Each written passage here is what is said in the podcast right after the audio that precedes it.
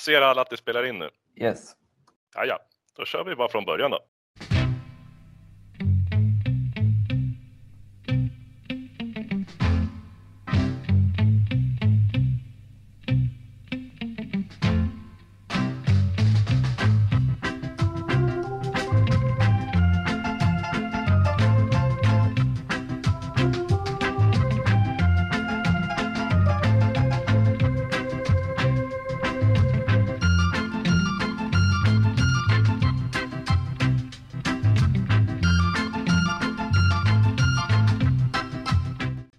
Hallå blå vänner och välkomna till ett nytt avsnitt av CSS-podden, alltså avsnitt 123 skriver vi in. Det som är den enda svenska Chelsea-podden som är skapad och manövrerad av Chelsea Supporter Sweden som också är den enda officiella svenska Chelsea-supporterföreningen med platinmedlemskap i Chelsea FC. Jag som sitter här och styr tekniken denna gång är Jakob Lindström och eh, jag har räknat ut att jag har med mig för andra gången tänkte jag säga, men för varje gång som jag har suttit och haft hostat här så har jag alltid haft med mig Linus Sjöström. Visst är det så? Ja, men så är det Jakob. Vi, vi vägrar ju släppa varandra, så att, eh, men det är bara roligt. Allt är bra med dig annars? Jo, men det är helt okej. Jag har varit sjuk i tre dagar nu, men börjar komma på bättringsvägen, så det är skönt. Kanoners. Och eh, den andra som är med har jag också räknat ut att det här är på blott andra gången som han sitter som gäst. Det är min co-host Hannes Bergenfur som sitter med här. Och det är bara andra gången du är med. Alltså som gäst. ja, det stämmer. Det, jag är relativt ny i rollen som gäst, så det blir något nytt för mig, men jag hoppas att det kommer gå lika bra som programlederiet. Ja, men det tror jag. Allt är bra med dig också? Jo, det är bara bra. Själv då? Nu vart jag lite ställd jag brukar aldrig få den frågan. Men jo, det är jättebra. Tack som frågar. Eh, körschemat idag är ju som ledes att vi går igenom Burnley-matchen.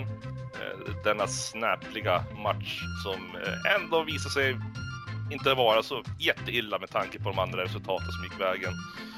Och vi kommer givetvis under sändningen följa damernas framfart i Champions League, alltså deras bortamatch mot Servette FC Chenoy, Chenoy, vad heter de? Något sånt där. Jag kan inte uttala, ursäkta det. Men Chenois, där kom franska uttalet.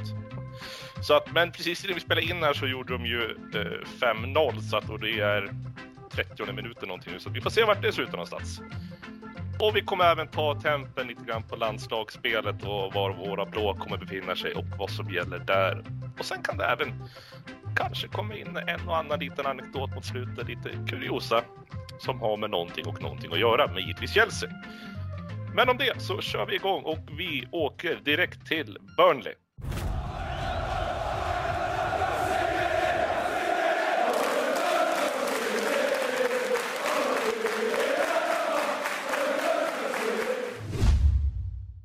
Chelsea-Burnley alltså. Jag eh, finner just nu inga ord, men eh, en 1-1 match som eh, kan man säga att den blandade och gav Linus. Vad är din snabba syn innan vi dyker ner? Ett ord jag skulle vilja summera matchen är jävla frustration för att eh, det var otroligt tungt poängtapp. Och, för så bra vi lirade i andra halvlek tyckte jag. Vi rullade upp dem totalt på lekstugan, men målen satt ju inte. Och man bara väntar på att det där målet kommer. Och eh, det är som i Premier League, alla matcher är svåra. Och har du bara 1-0 när det är en kvart kvar, då kommer det smälla. Och det var exakt vad som hände. Så otroligt tungt och nej, otroligt surt på hemmaplan. Vi kunde eh, dratt ifrån ytterligare med två poäng eftersom att nu Liverpool förlorar. Men eh, ja, otroligt tungt. Ja, varför vi inte gör några mål framåt. Vi ska gå in lite djupare på det. Vi kan, vi kan ta det spåret på en gång så är det överstökat innan vi grunnar i matchen lite grann. Men varför vi inte gör några mål framåt? Hannes, vi har ju saknat av Lukaku och Werner. Men borde vi inte förvänta oss mer av resten av laget att kunna hjälpa till? Någon mer målskytt förutom en Kai Havertz som stänker in lite då och då måste vi väl kunna få ha. Du menar någon mer målskytt än ytterbackarna? ja, precis det också. Ja, men alltså, jag tycker att de offensiva spelarna gör ganska bra fram till avslutslägena. Eh, klart Havertz nickar jättebra, men Eh, det finns liksom ingen kontinuitet i de vi har, förutom Lukaku då, och vi vet ju vad han kan göra. Framförallt han gjorde inte. Men det finns ju ingen liksom, eh, kontinuitet i, ja men ingen målskytt helt enkelt, utan Hudson Doy tyckte jag var väldigt bra den här matchen till exempel. Eh, men, men, han är ingen avslutare, det märker man ju flera gånger. Det är ganska tama avslut på, på Hudson och eller på Pope också. Så ja, men för mig så är det stora problemet att vi inte har en, en anfallare från start, eh, en målskytt. Men just Hudson och Doy, har inte han alltid varit, jag vet att jag var inne på det något eh, tidigt avsnitt som vi gjorde, att han har alltid varit den spelaren som kommer till straffområdet och där tar det liksom stopp. Han är väldigt, han är, han är snabb och rapp dit och kan göra en, två spelare, men det händer inte så mycket mer. Han kan få iväg ett avslut som blir oftast katastrof. Ja, men jag, jag håller med. Han är ju en, en spelare som har fina egenskaper men saknar en slutprodukt. Eh, men jag tycker ändå att det var en uppsida den här matchen jämfört med eh, Visserligen vi hade mycket boll och då, så man, man kan väl säga att det blir automatiskt mer chanser för en spelare som Hudson Odoi. Men han hade ändå ett par bra avsnittslägen som jag tycker att han inte alltid får liksom, under, under andra matcher. Eh, men själva avsluten tyckte jag var, var tama. Mm. Vi släpper lite Callum där. Vi ska ta Ross the Mud mm, Boss. Linus. Är han tillbaka? Jag, jag blev själv överraskad när jag såg hans startelvan, men eh, jag tycker att han har tagit för sig mycket nu när han har fått för lite speltid av Tuchel och man känner ju att han han känner nog själv att han har fått lite mer tid och rum nu och får komma in i laget och även nu kommer ju speltiden tack vare att han visar på träningen att han, han vill vara med och kämpa om en plats i laget och jag tycker han gör en bra match. Men därefter så tycker jag att han gör lite konstiga beslut, bland annat i andra halvlek där han skjuter över bollen hela vägen till Themsen nästan. Men, eh, lite konstiga eh, avslut från hans sida, men han vill ju visa och det är bara kul. Men eh, det är, det är roligt med lite mer, ännu mer konkurrens på mittfältet nu för att nu ryktas ju även, jag läste ett rykte idag, att Soul kanske redan ska tillbaka till Atletico nu i januari. Så att då är ju Ross Barkley ett perfekt alternativ om han kan lyckas fortsätta och bibehålla den här formen han ändå visat på de här stunderna han har spelat. Ja, ja. Han känns också mycket mer eh, mogen i sitt spel nu. Han är verkligen de här utlåningsperioderna som haft verkar ju bara gjort honom gott. Verkligen, verkligen. Och eh, nu får man äntligen se lite resultat av det också. För jag tyckte att han såg bra ut i Aston Villa när han var utlånad och där tog han ändå en ganska bärande roll för mittfältet. Och nu får han ändå visa att han har kvaliteter, och vilket han har haft. För så bra han var i Everton innan det blev problem där så visste vi att det här är en bra spelare vi kommer få in. Det var bara en fråga om han skulle lyckats få en startplats i Chelsea, vilket är oerhört svårt det står ju, alltså om man kollar rent statistiken så ska det egentligen tala för att en kross. Alltså det, det ska ju vara 3-4-0 minst. Eh, men det dröjer ändå alltså till 33 som Havertz får. Det är väldigt snyggt mål faktiskt. Det är ett perfekt inlägg från James och sen eh, precis på pannan på Havertz. Och vi får liksom inte till. Vi, vi, jag vet inte hur jag ska formulera mig, men vi kommer ju till lägena men vi får ju inte in bollen. Det här känns lite som, eh, nu ska jag inte, förlåt för de som tycker om IFK Göteborg och Marcus Berg, men det känns lite Marcus Berg i svenska landslaget. Ja, jag är en ständig försvarare av Marcus Berg som att han är från Värmland då, så det kan jag väl ta direkt. Eh, nej, men det jag eh, känner är väl att vi har lite problem med med att skapa lägen. Jag tycker påven är ju bra i mål liksom i Burnley och gör några fina räddningar, men det är fortsatt bara fyra skott på mål ifrån oss. Det är, med tanke på matchbilden så är det under all kritik. Eh, och det är klart, Burnley är ett bra defensivt lag och liksom Sean Dinesman, de har ju sin, sin mur liksom eh, framför, ja men ganska lågt stående mur då, som, som stänger ytor och så. Och det vet vi att de spelar så också. Men ja, men det är liksom svårt att sätta fingret på eftersom att det, det känns som att det ligger liksom hos individnivå och spelarnivå. Eh, och beslutsfattning. Det känns inte som att det är något systematiskt fel som gör att vi inte får in bollarna, tycker jag. Eller vad tycker du Linus? Alltså jag håller med dig, vi skapar ju för få hundraprocentiga chanser skulle jag ändå säga. För chanser skapas ju, men det är inte de här riktiga klara lägena. Det är mycket halvdana lägen eh, där vi det kan bli en stor chans, men vi sjabblar bort det. Och jag tycker ena läget är när Hudson får ett drömläge, när han ska egentligen bara stänka in bollen och Pope lyckas rädda den. I sånt läge får liksom han inte bränna som eh, Hudson gör i matchen. Och det, det är ännu ett tecken på att han, liksom, han är ju inte färdig. Och avslutet har han inte. Men eh, ja, jag håller med dig. Vi, det ska ju skapas fler chanser mot Burnley hemma, det, det, det är ju klart. Eh, även om Burnley är ett starkt lag defensivt och backlinjen med målvakt är otroligt duktiga på att täcka upp för varandra så måste vi skapa ännu mer chanser. Så att, eh, nej, det blir ändå underbetyg tack vare slutresultatet, tyvärr. Det var ju ändå från den 26 oktober kan man säga, alltså när vi mötte Southampton i kuppen så har det varit väldigt snålt spel. Eh, och det har givetvis avsaknaden av strikers där fram, både Lukaku och Werner som eh, men i alla fall från Chelsea Southampton till idag, den 6 november. Det är ju ganska många matcher emellan som vi snålade till. Vi fick en liten urladdning mot Newcastle givetvis, men där låg det också, satt väldigt långt inne när vi kom till.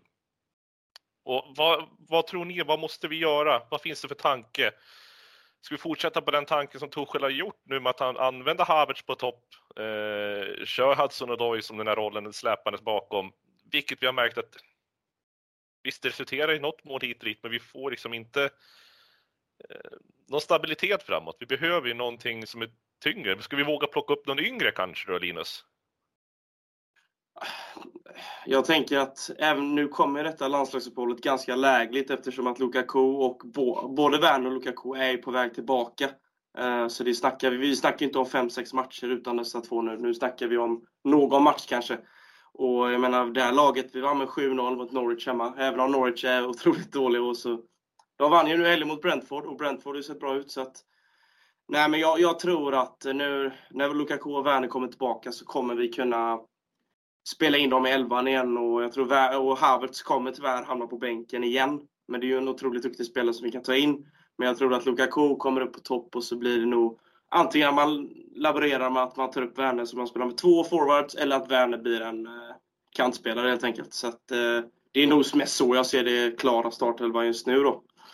Och eh, får vi se när vi är tillbaka, men det ska inte vara allt för, lång, eh, allt för långt tills dess.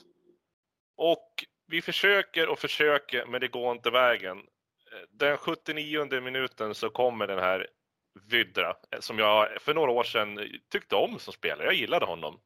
Och hade lite dröm att han kanske skulle eh, spela i Chelsea såklart. Men han har väl gått ner sig han också givetvis. Men Vydra, 79 minuten. Vad hände vid målet, Hannes?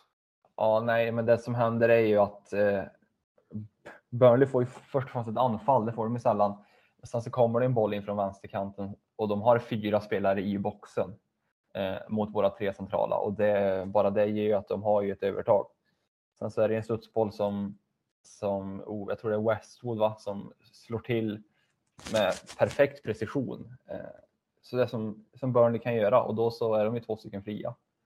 Eh, både Rodriguez och Vydra. Och jag tycker att stor ära ändå ska ges till Cornet som som gör en motsatt riktning mot Vidra och, och Rodriguez löper upp ur backlinjen och skapar oreda där för våra centrala mittbackar.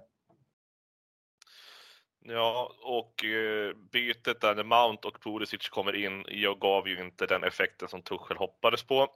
Linus, du sitter och skakar på huvudet nu. Är det någonting som du håller med om att det bytet kanske inte skulle ha gjorts överhuvudtaget utan virat Mount? Nej, Jag är mest Men med Pulisic, har inte varit riktigt min eh, bästa kamrat i laget. Eh, det är, han gör konstiga beslut när han kommer in, och speciellt det sista, när han slår ett inlägg rätt i burgaveln. Jag tycker det, det är ingen spelare riktigt som jag skulle tagit in i det läget, för han har ju varit borta länge. Och i ett sånt läge behöver vi få in någon som vet vad som behövs och krävs just nu. Bollen ska in i mål. Och, eh, jag skulle tagit in Mount, även om han har varit lite halvdålig då, tack vare visdomstanden. Men eh, inte tagit in Pulisic. Där tyckte jag Tuchel gjorde fel. Men eh, vi får väl se hur det går för Pulisic nu. Det är dags att visa upp sig från sin bästa sida. För nu börjar det chanserna bli mindre och mindre och spela, fler spelare tar chansen. Så att han får nog börja växla upp nu om han vill hänga med. Pulisic har ju inte direkt övertygat Eh, på väldigt länge. Han hade ju en eh, bra period eh, under Lampard, men segnade ner och när Tuchel tog över så har det inte blivit... Man trodde att det skulle bli någon liten kemi där ändå med tanke på Dortmund-kopplingarna, men nej. Det känns som att Pulisic finns nog risk att han kan försvinna i januari, men vi ska gå in på det lite längre fram. Jag tycker att vi egentligen kan stryka Chelsea-Burnley där. Det blir 1-1, men eh, vi är kvar som serieledare tack vare att eh, Liverpool förlorade. Och vi kan tacka West Ham och vi kan tacka Kurt Schuma som eh, nickade in det definitiva vinstmålet. Och 26 poäng toppen, City på 23 och sen ligger West Ham på tredje plats som verkligen börjar gå igång nu. Alltså David Moyes, han har ju... Han, vad, vad har, Hannes, har du koll på West Ham? Vad har Moyes gjort? Jag vet inte riktigt vad han har gjort, men han har i alla fall gjort någonting bra. Eh, nej, men det som jag framförallt ser är att eh, jag kollar inte på West Ham varje vecka ut vecka in, har ingen taktisk analys direkt på deras spel. Men utifrån så kan man ju se att han har fått bra fart på spelare som, som, ja, men, som man tidigare inte tyckte var mycket till världen. Om man ser till exempel eh, båda tjeckerna, liksom, Sofal och Zuzek, är ju ingen spelare som man hade koll på. Eh, Antonio har ju gått från att vara ja, men en snabb winger liksom, till att bli en, en, en fruktad targetanfallare istället. Till exempel. Och sen så har de ju eh, kaptenen Rice också som, som ju verkligen han, han leder det här laget. Han är ju deras, eh, deras frontfigur utan tvekan. Så nej, men jag tycker det verkar som att han lägger stor vikt på, på lagkemi och liksom alla jobbar mot samma mål. Jag tror det, tror det räcker långt. Sen såklart att det är taktiska grejer bakom också, men de har inte riktigt koll på. Nej, han lyckas ju onekligen i alla fall. Linus, hade du någon kommentar på det? Jag tycker Moyes har gjort ett fantastiskt jobb med West Ham och jag menar backar man bandet några år så har West Ham haft det otroligt tungt i Premier League och sen har ju Moyes börjat få ihop laget och eh, som, som Hannes var inne på också med tjeckerna, Sufal och Sosek och Antonio har ju blivit en avslutare också som kan garantera mål för West Ham, vilket han inte var innan. Och han är otroligt stark och det är en fantastisk anfallare att kolla på. Och även att Ogbonna till exempel, en spelare som var medioker i Juventus, är också en duktig mittback. Och jag har fått in Kutsuma från Chelsea. Också en otroligt bra värvning för West Ham. Och, ehm, nej, de ser intressanta ut. Och, eh, ska bli, se, ska bli kul att följa dem nu under Premier League den här säsongen om de håller måttet hela vägen och når en Champions League-plats. Vilket är svårt. Vilket jag har svårt att se, men det ska bli intressant att se. Mm. Och eh, som sista punkt i tabelläget där så är det ganska kul att jag har ju några vänner som hejar på Manchester United och de var ju helt lyriska mot Arsenal-supportrar när Arsenal låg i botten med noll inspelade poäng och United hade nio poäng. Då, eh, nu är det ju lite skifttron där att eh, Arsenal ligger på 20 och United ligger på 17 poäng. Sånt där tycker jag bara är kul. Men de två lagen de kan hålla sig där nere, det gör ingenting. Det är kul om West Ham får ta lite plats också. Så, då släpper vi Chelsea-Burnley och vi släpper ligaspelet och vi kommer att kliva in på transferfönstret i januari som kommer snart.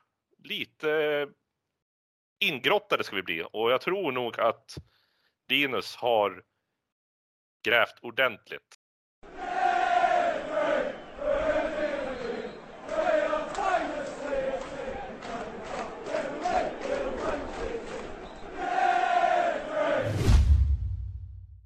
Hur ser det ut? Det finns ju mycket rykten både med en Hazard, en Kondé och det finns att Saul ska ut och ska Ziyech ut och Pulisic och guida lite grann hur, vad är det som händer? Ja men precis som du var inne på här att eh, idag läste jag till och med att Saul kan ryktas och gå tillbaka redan till Atletico nu i januari tack vare ja, utbliven eh, speltid och på grund av att han har inte visat sig från en bra sida. Han eh, kom in med ett svajigt inhopp i första matchen mot Aston Villa och därefter så tänkte jag, vad är det här för mittfältare vi har fått in? Och man tänkte, nu ge honom lite tid, men jag tycker inte han har, han har inte växlat upp på något sätt. Så det, det är ett rykte som är igång nu och även som du var inne på med Hazard. Eh, om han ska gå till Chelsea och även Newcastle ryktas ju om att han, eh, de drar i rejält i Hazard. Men eh, det är ett rykte som har inte i ett tag nu och snart öppnar i fönstret så får vi se vad Hazard väljer. Och eh, det ryktas ju även att Ancelotti inte vill ha kvar Hazard i Real Madrid. Eh, så att det, det finns ju en chans att han lämnar. Om det blir nu i januari eller till sommaren, det, det är lite svårt att utläsa just nu. Då är frågan, skulle vi kunna ha nytta av en Hazard till exempel? Eh, om jag vänder mig till dig nu Hannes. Alltså Hazard är ju en, eh, en av våra bästa spelare på väldigt länge som vi haft. Ehm, men hans tid i Madrid har ju inte varit alltför blomstrande. Dels kantat av mycket skador så att jag känner att vi sålde honom i ganska så rätt tid. Fick ganska mycket pengar för honom. Och prislappen på han nu är 250 miljoner. Vilket i sig inte är mycket pengar för den typen av spelare han är. Men tittar man på facit i Madrid han har varit nu så är det ju inte så att man är direkt lockad att ta över en sån spelare, eller hur Hannes? Om prislappen är på 250 miljoner så säger jag bara till Peres att ta pengarna så tar vi Hazard. Även fast han eh, har den bakgrund han har nu med skadorna och bristande målskytte och hela den biten?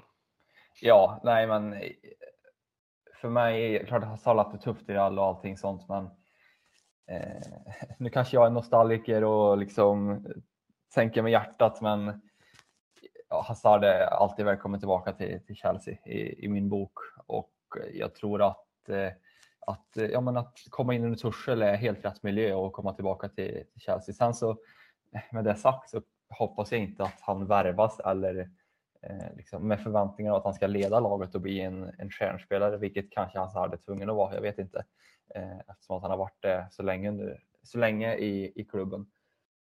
Men om jag jämför med till exempel Pulisic och Ziyech, nu är Pulisic bra mycket yngre än vad Hazard är, så, så har jag ju hellre han i truppen. Eh, sett till, till nutida kvalitet, för han är, han är fortsatt, fortfarande bättre än Ziyech tycker jag i alla fall.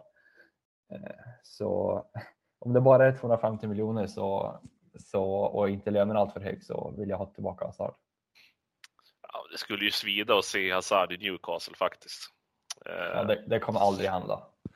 Nej, man, vet, man, ska, man ska aldrig säga aldrig när det kommer till oljepengar och Premier League. Det har hänt konstiga saker anno Frank Lampard och Manchester City. Bara som exempel. Ja. Men i alla fall då. Linus, vad hade vi mer? Vi hade Saul var på väg ut, ryktades om. Uh, och vi hade en Pulisic som måste bevisa innan han förmodligen kan också ryka. Och så har även florerat rykten, vad jag, det var ju länge sedan jag såg det för sig, men att Kepa skulle vara på väg bort. Men det känns tungt om vi skulle släppa honom i januari när det kommer ett afrikanskt mästerskap också. Ja, Kepa har inte varit senaste något så att han ska lämna klubben. Det verkar som att vi är nöjda med att ha Kepa som andra val och det tycker jag är ett otroligt bra andra val för att ha så bra första målvakt och ett sånt bra andra alternativ. Så det där är, jag tror faktiskt han, han stannar till sommaren i alla fall så får vi se därefter.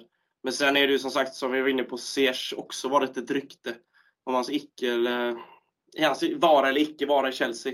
Och eh, det är en spelare som varit grym i Ajax, som riktigt inte har fått blomstra ut i Chelsea på grund av många skador. Eh, när han varit på uppgång så kommer de här skadorna eh, flertal gånger.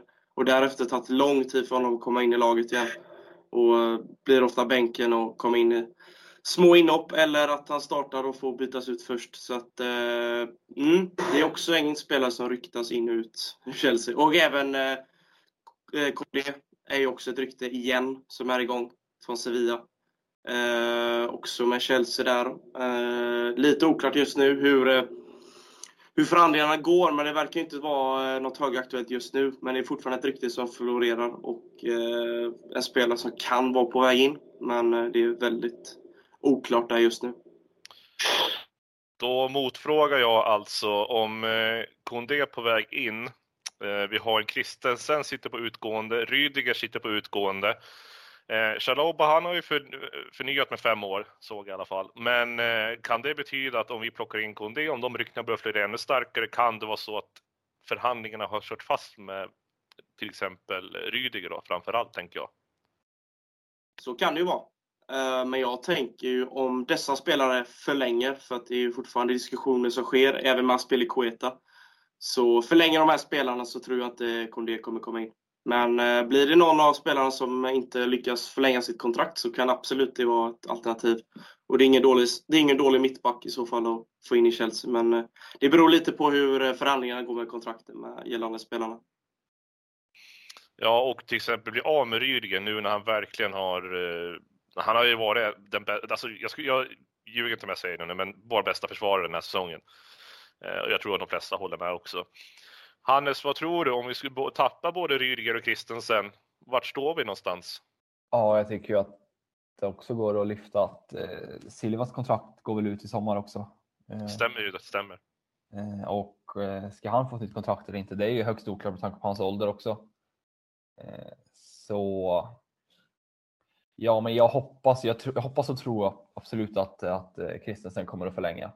Eh, Rydiger däremot, han verkar ju vilja, eh, om man nu tror på rykten då, kanske söka upp en ny klubb eller eh, ny utmaning eller få bättre betalt helt enkelt.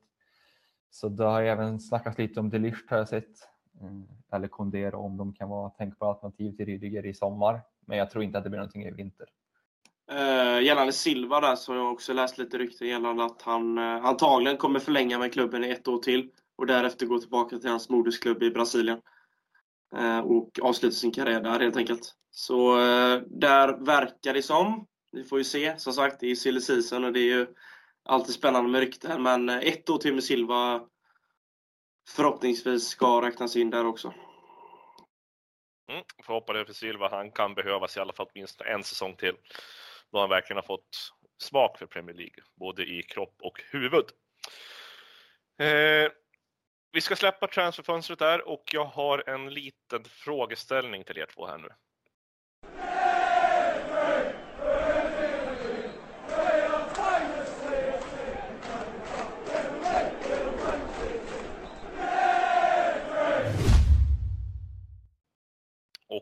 den frågan är egentligen, har vi blivit bortskämda, vi Chelsea-supportrar, på sedan Tuchel kom in? På våra vinster, på att allting har gått så himla bra. Som när det kommer en match som till exempel mot Burnley, vi spelar 1-1, då eh, blir vi oftast väldigt sura och eh, förbannade nästan. Det hände liksom inte samma sak under Lampard. Och det är egentligen, vi börjar med den frågan. Är, har vi blivit bortskämda? Ja, jag kan ta den. Uh, ja, jag tycker att det ska vara helt rätt att man ska bli förbannad om man spelar lika mot Burnley hemma. För om man jämför med när Lampard kom in, när transferbudet var, vi fick inte värva några spelare, då var det lite så här, det var ungdomarnas tur och då kunde man ändå ta ett kryss. Då hade jag kunnat ta ett kryss mot Burnley. Men nu har vi Torshäll. Ehm, vi har levlat upp riktigt högt och vi har vunnit Champions League. Så kraven har höjts, vilket jag vill att det ska vara. Vi är topplag och vi är ett av de bästa i världen. Och då tycker jag kraven ska vara höga och då tycker jag att ett, en vinst hemma mot Burnley är ett måste i ett sånt här läge. Speciellt när man leder ligan och har ytterligare en chans att uh, dra ifrån lite. Uh, så att ja, nej, jag tycker det är bortskämd och bortskämd. Jag tycker att vi, vi ska ha den här vinsten uh, på grund av hur vi har presterat tidigare med Torshäll. Så att ja, det är mitt svar på frågan. Nej, men jag tycker väl att eh, kanske inte just, alltså år mot Burnley kommer man alltid bli sur över om man är ett Chelsea-fan, eh, tror jag i alla fall.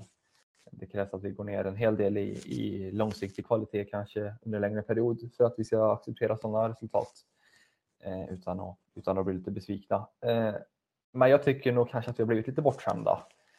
Eh, vilket, vilket, det är väl inte helt fel om man säger så. Eh, det gick ju tufft under Lampard i fjol.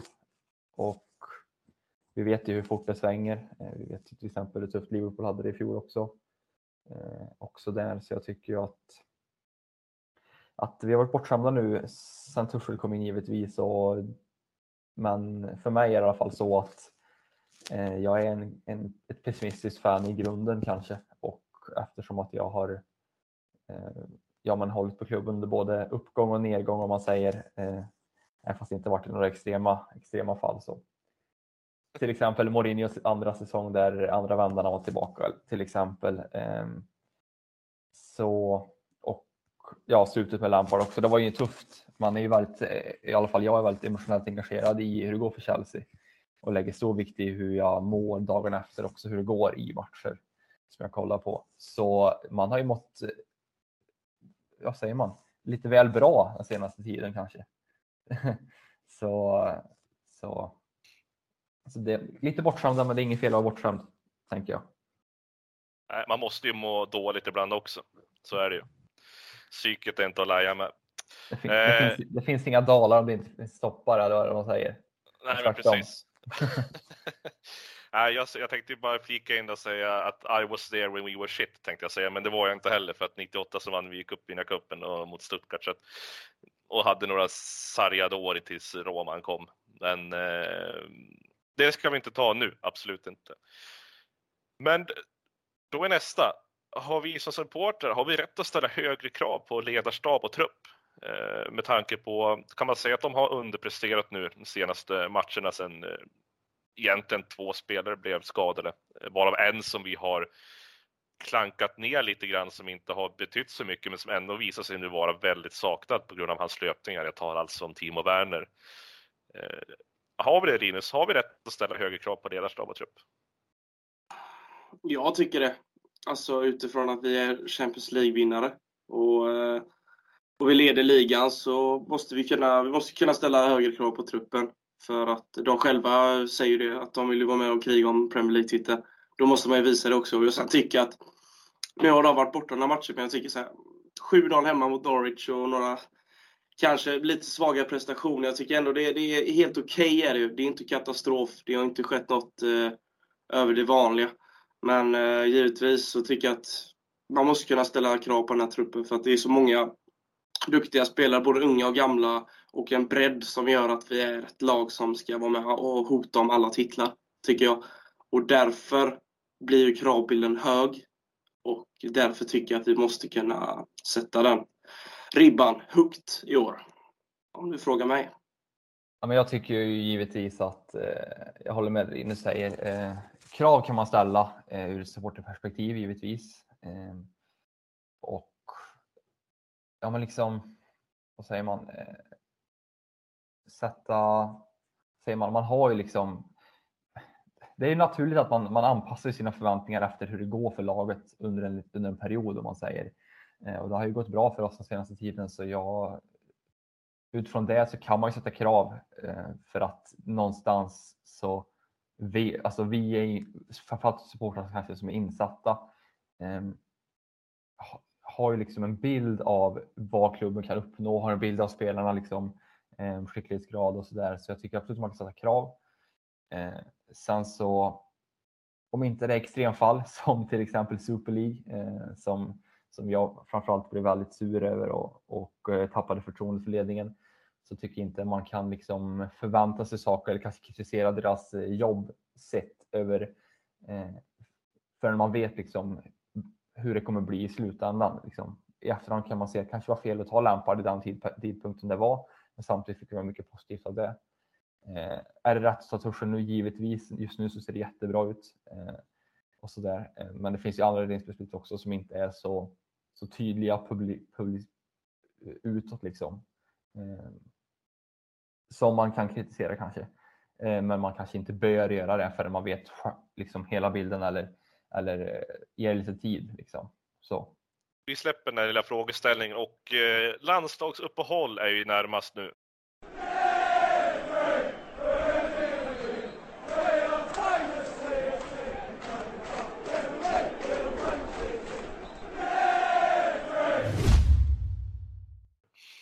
Och eh, Hannes, du har ju tagit lite koll här nu vad som gäller för våra blåa.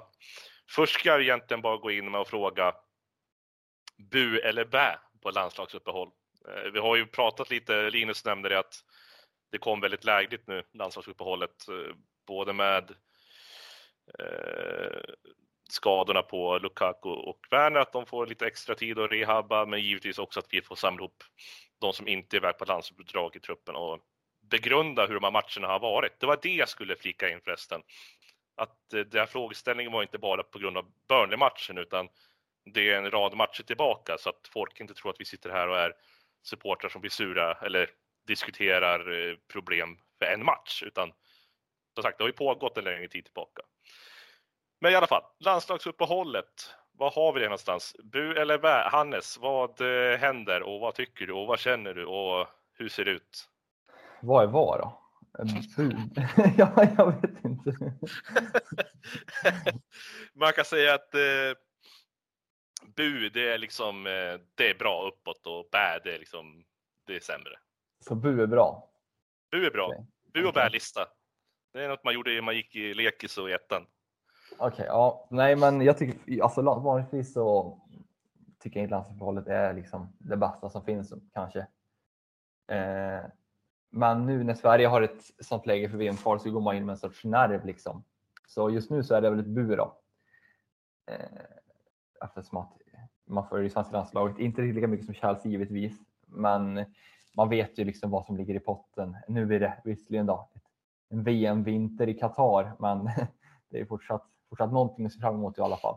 Så, så just det här landslagsuppehållet så är det ett, ett bu.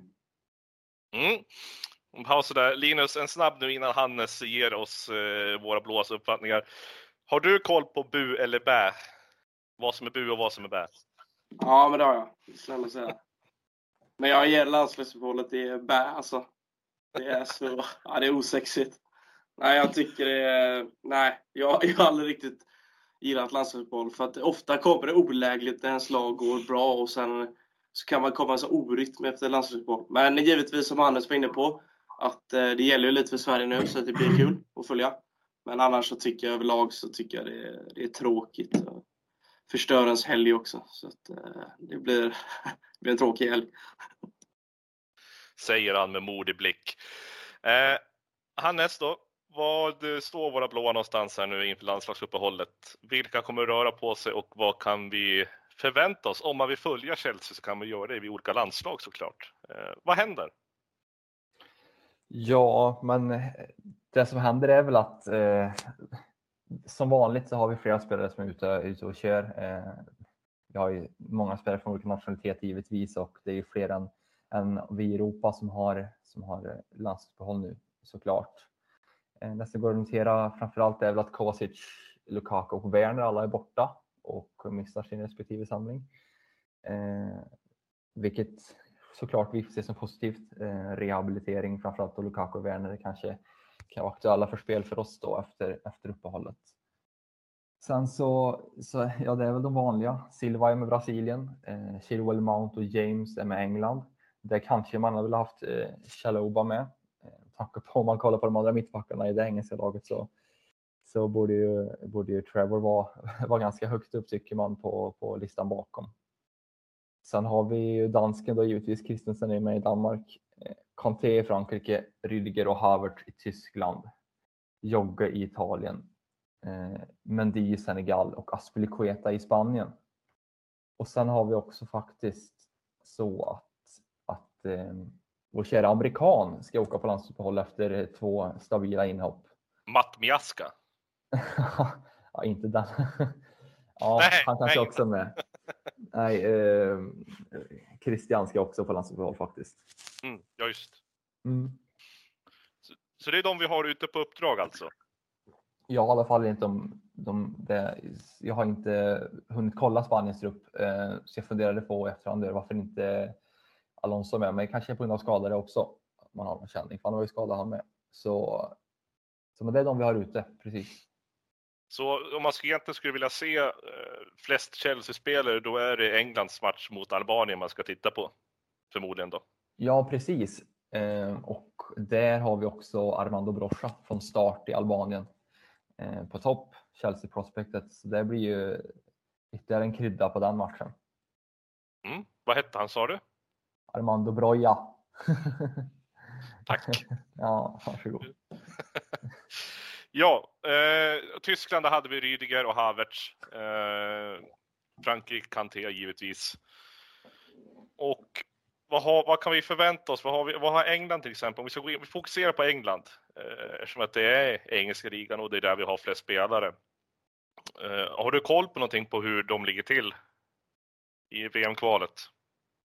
Ja, eh, England leder gruppen tre poäng före Polen Eh, och fem poäng för Albanien. Det är väl framförallt de tre länderna som, som säger man, är, är högst upp då.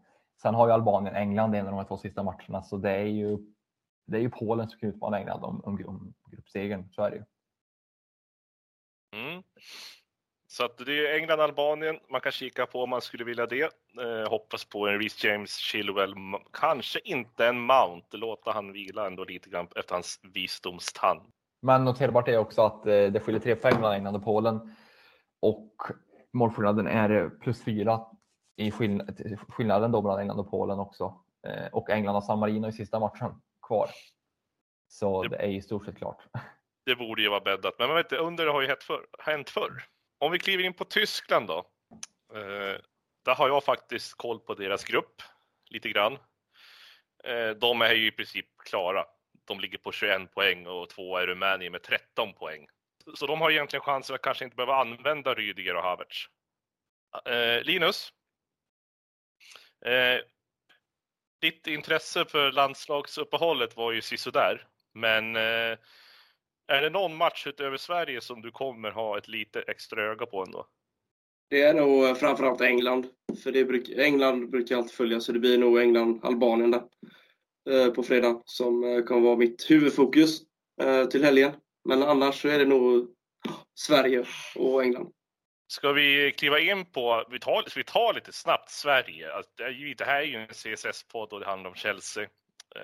Men vi kan ju inte undgå att säga det att ja, Zlatan tillbaka i landslaget, man möter Georgien i övermorgon och senaste gången Zlatan var med var ju just mot Georgien fast på hemmaplan. Eh, alltså, man sitter ju här och liksom grämer sig över, över kvällen i Aten givetvis, eh, för då hade vi haft matchboll nu mot Georgien för första platsen. Eh, och det är ganska komplicerat avancerat eh, playoff också om man får en andra plats. Men realistiskt sett så är det den som gäller. Men jag tror ju att det kommer bli en final eh, på söndag. Så jag tror att det kommer bli en, om vi har tur då, en, en historisk match för svensk fotboll. Om vi har tur. Men först ska jag börja mot Georgien givetvis.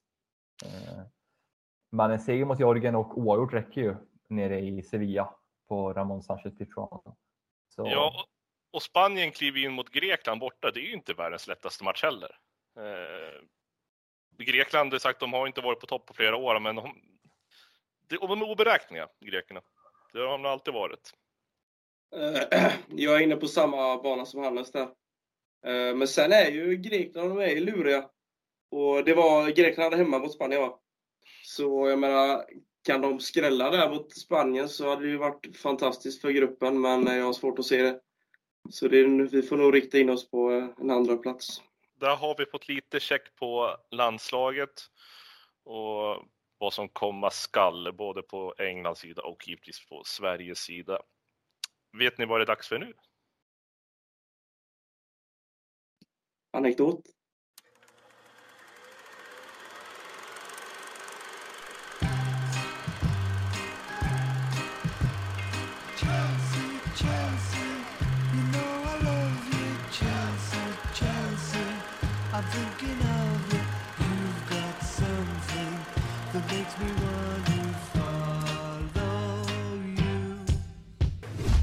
Eh, jag nämnde ju i förra avsnittet, om ni lyssnade på den anekdoten, där gänget som var ute och festade i eh, Blackpool innan match mot Burnley.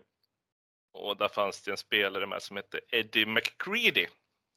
Och den här Eddie McCready, man kan säga att den här kuriosan heter Eddie McCreadys bilaffär. Och ni kommer snart märka varför. I alla fall, med cirka 400 matcher i Chelsea så blev den här publikfavoriten McReady 1975 manager för klubben. Och eh, vid den här tiden så var ju klubben i väldigt dålig vigör. Så det var fans och spelare i förnekelse och stort skuldberg efter bygget av East och det var, allting var katastrof. katastrof.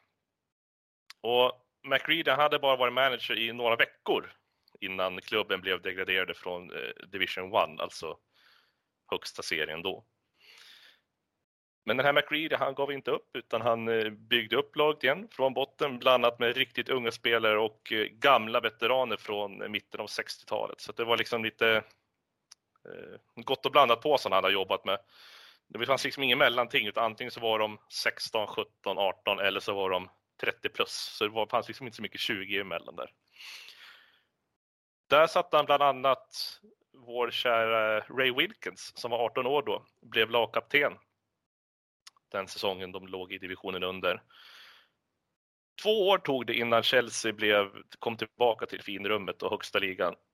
Dock så började de inte den säsongen med Eddie McReady på bänken, utan eh, i samband med avancemanget, alltså i princip samma kväll som det var klart att de eh, skulle gå upp så hade eh, Eddie McReady gått in till dåvarande ordförande Brian Mears bett om att eh, om jag ska vara manager här nästa säsong, då vill jag ha en firmabil. Då hade Brian Mears bara tittat upp på honom och sagt att du kan gå. Och det var precis det McReady gjorde, men det var inte det Mears menade. McReady, han slutade som tränare. Eh, Brian Mears försökte få tillbaka honom till klubben och menade på att han menade inte att du kan gå, ja, alltså du får sparken utan du kan promenera. Det var så han menade. Så McReady var alltså upprörd, avgick och av rena principskäl så ville han inte komma tillbaka utan han sa bara att har jag en gång slutat ska jag aldrig mer komma tillbaka. Så McReady han eh, lämnade Chelsea och gjorde inga större avtryck utan han blev fast i USA sen och tränade lite inomhusfotboll och bor kvar där någonstans i Minnesota just nu. Så att hans karriär dalade rätt fort på grund av ett, ett bilköp han ville göra helt enkelt för klubben.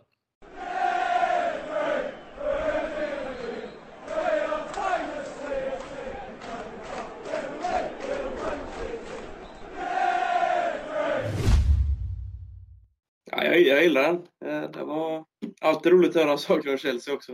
Nej, men eh, jag tycker att det är jätteintressant. Eh, Sådana här små liksom. Det är en helt annan tid mot vad vi lever i nu också med, med kommunikation och allting eh, om man säger. Så, så det är kul att få en bild liksom hur det var förr i tiden. Nu kanske så och sen. Jag har inte jättebra koll på de här namnen som du pratar om också så, så det är bra. Det breddar liksom breddar kunskapen om Chelsea. Det, det är jag tacksam för. Jag säger bara, jag kommer tjata om det igen tills jag ser att någon har postat det på CSS-poddens Facebook-sida, som jag för övrigt tycker att de flesta ska titta in på eh, om man inte redan är med där, utan för att där händer en massa kul saker. Eh, men någon, den första som postar en bild på att de har beställt den här boken, den kommer jag eh, den får ett fint omnämnande i podden sen framöver, det kan jag lova. Jaha mina herrar, det var egentligen eh, det vi hade den här dagen och den här veckan. Fram tills att det förmodligen kommer ett avsnitt nästa vecka med lite landslagsuppdateringar och inför matchen borta mot Leicester.